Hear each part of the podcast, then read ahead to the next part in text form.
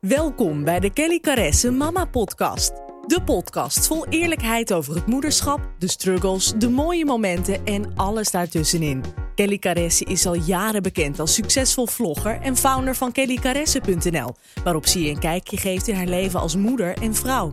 In deze podcast gaan we verder dan dat. Dus neem even een momentje voor jezelf, dan geef ik nu het stokje over aan Kelly, de host van de show.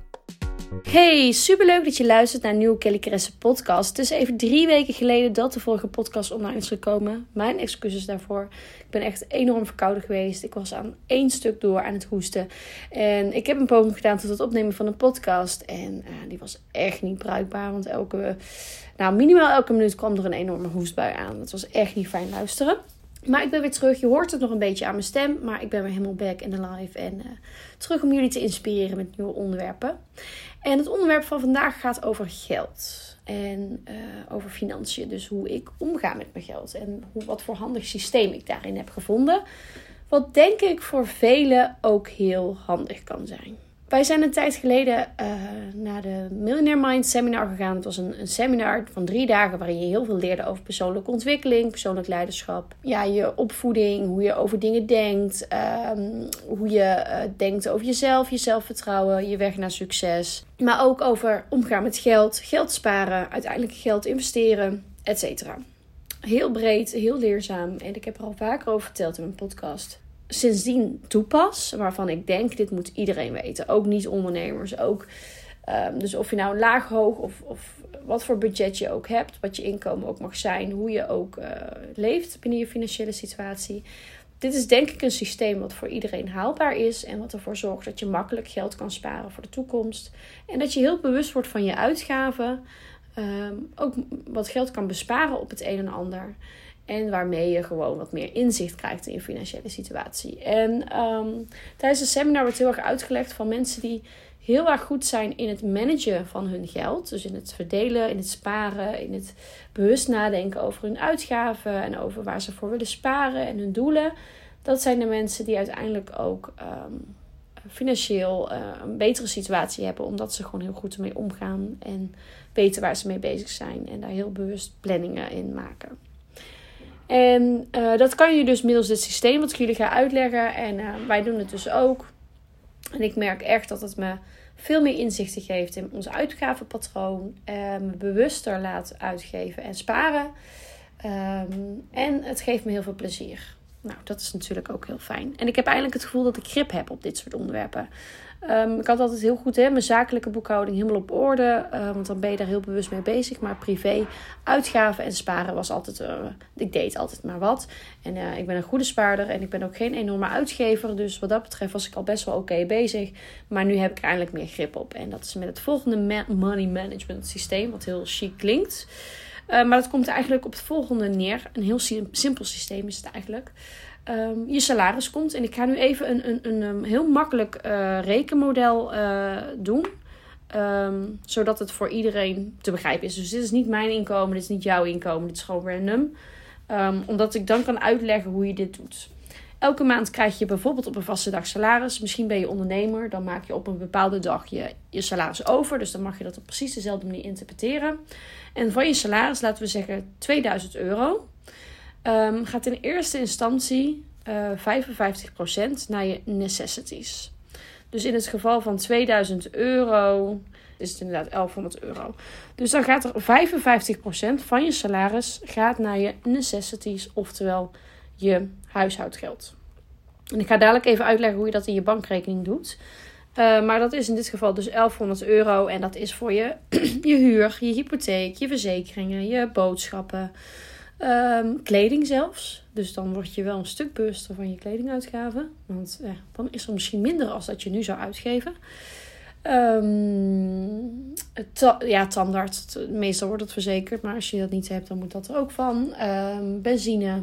Uh, verzekering van de auto. Nou, je snapt wel wat ik hiermee bedoel.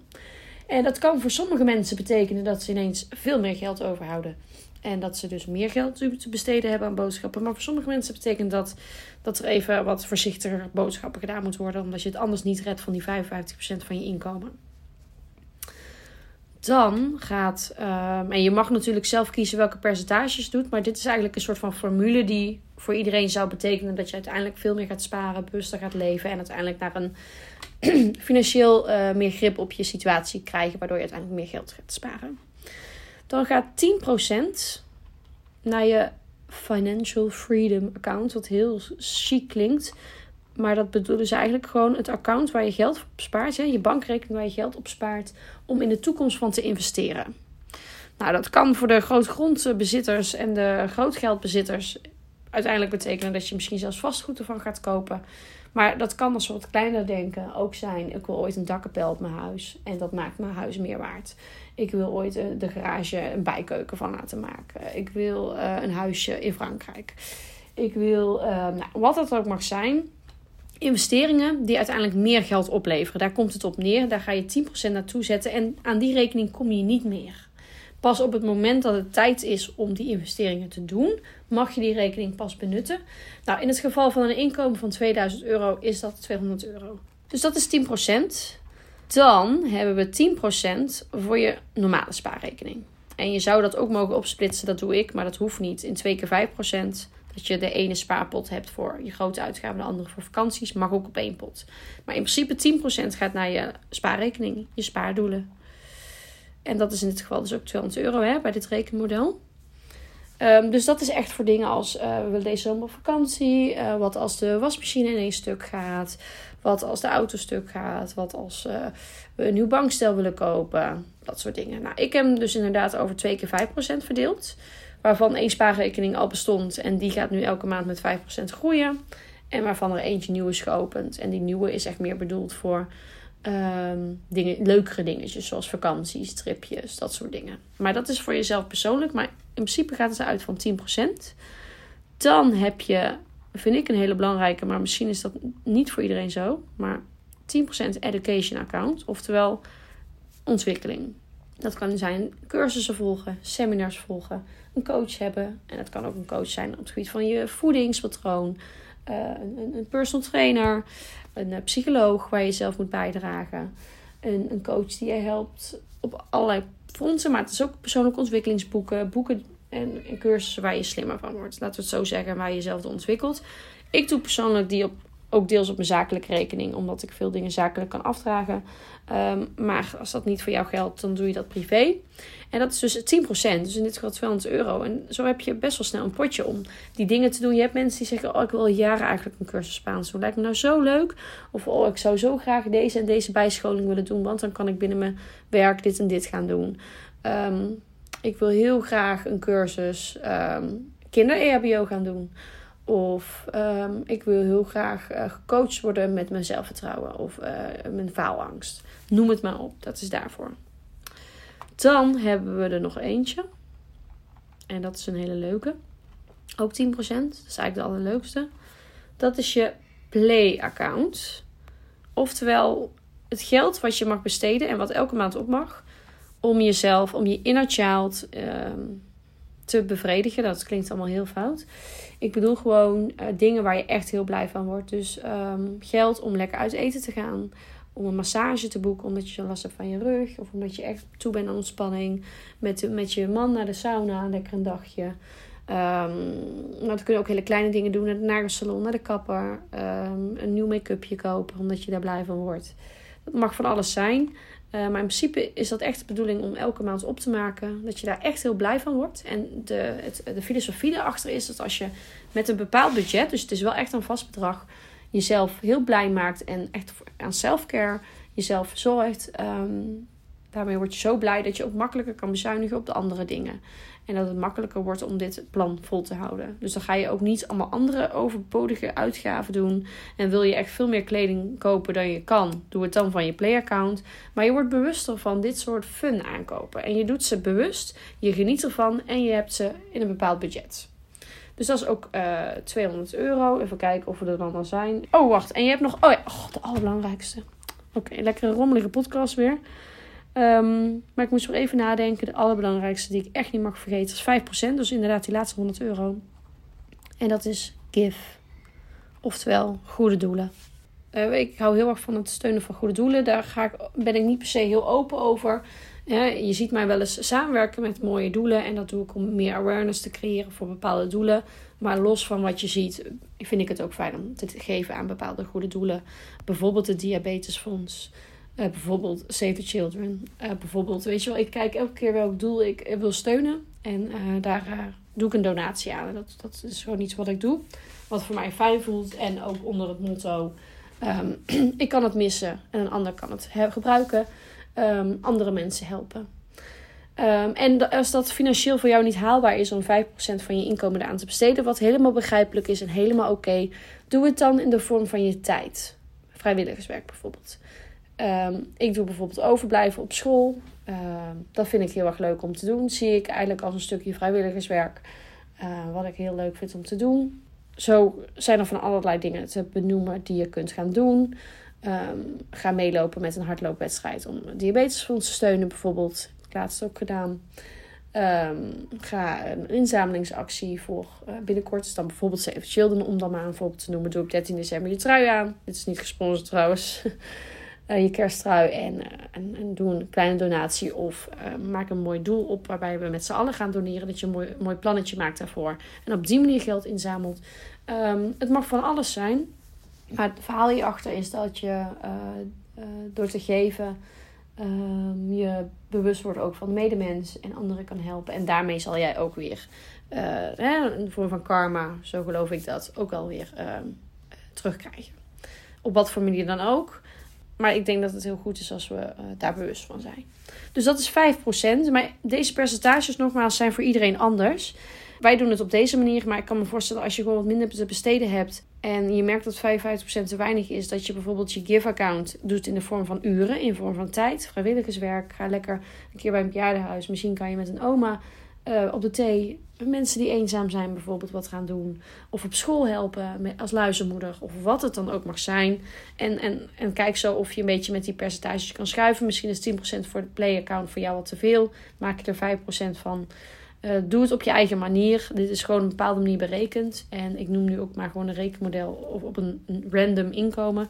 Um, maar het gaat er eigenlijk vooral om dat je heel bewust wordt van je uitgaven. En dat je ook gewoon steeds een potje hebt voor een bepaald budget. En, dat is, en als het op is, is het op. Dat je wel heel bewust wordt en niet zomaar in die supermarkt, maar alles in je kaartje gooit. Hoe doe je dat in je bankrekening? Want als je dat allemaal op één hoop gooit, heb je nog niet overzicht. Nou, wat ik heb gedaan, uh, ik heb uh, Rabobank bijvoorbeeld privé en zakelijk heb ik ABN. Je kunt binnen je bankapp kun je gewoon heel makkelijk rekeningen aanmaken. En als je daar spaarrekeningen van maakt, dan is dat ja, dat kost bijna niks. Laten we zeggen maximaal een euro per maand. Maar ik pin er niet op vast. Bepaalt ook net welke bank je hebt. En als je er een betaalrekening van maakt, dan is dat wel iets van 3 euro per maand. Ik heb bijvoorbeeld mijn Play-account in de vorm van een betaalrekening met een aparte pas. Dat ik het echt daarvan kan betalen.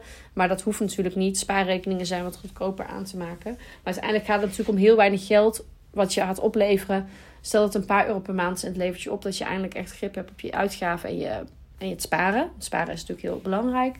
Uh, dan is het het zeker waard. En ik heb gewoon letterlijk, als je mijn bankrekening opent, heb ik één lopende rekening waar het geld op binnenkomt. En dan als, de, als mijn salaris is gestort, dat doe ik zelf, ik ben ondernemer, ga ik het verdelen in de potjes. En heb ik dus echt een bankrekening die heet.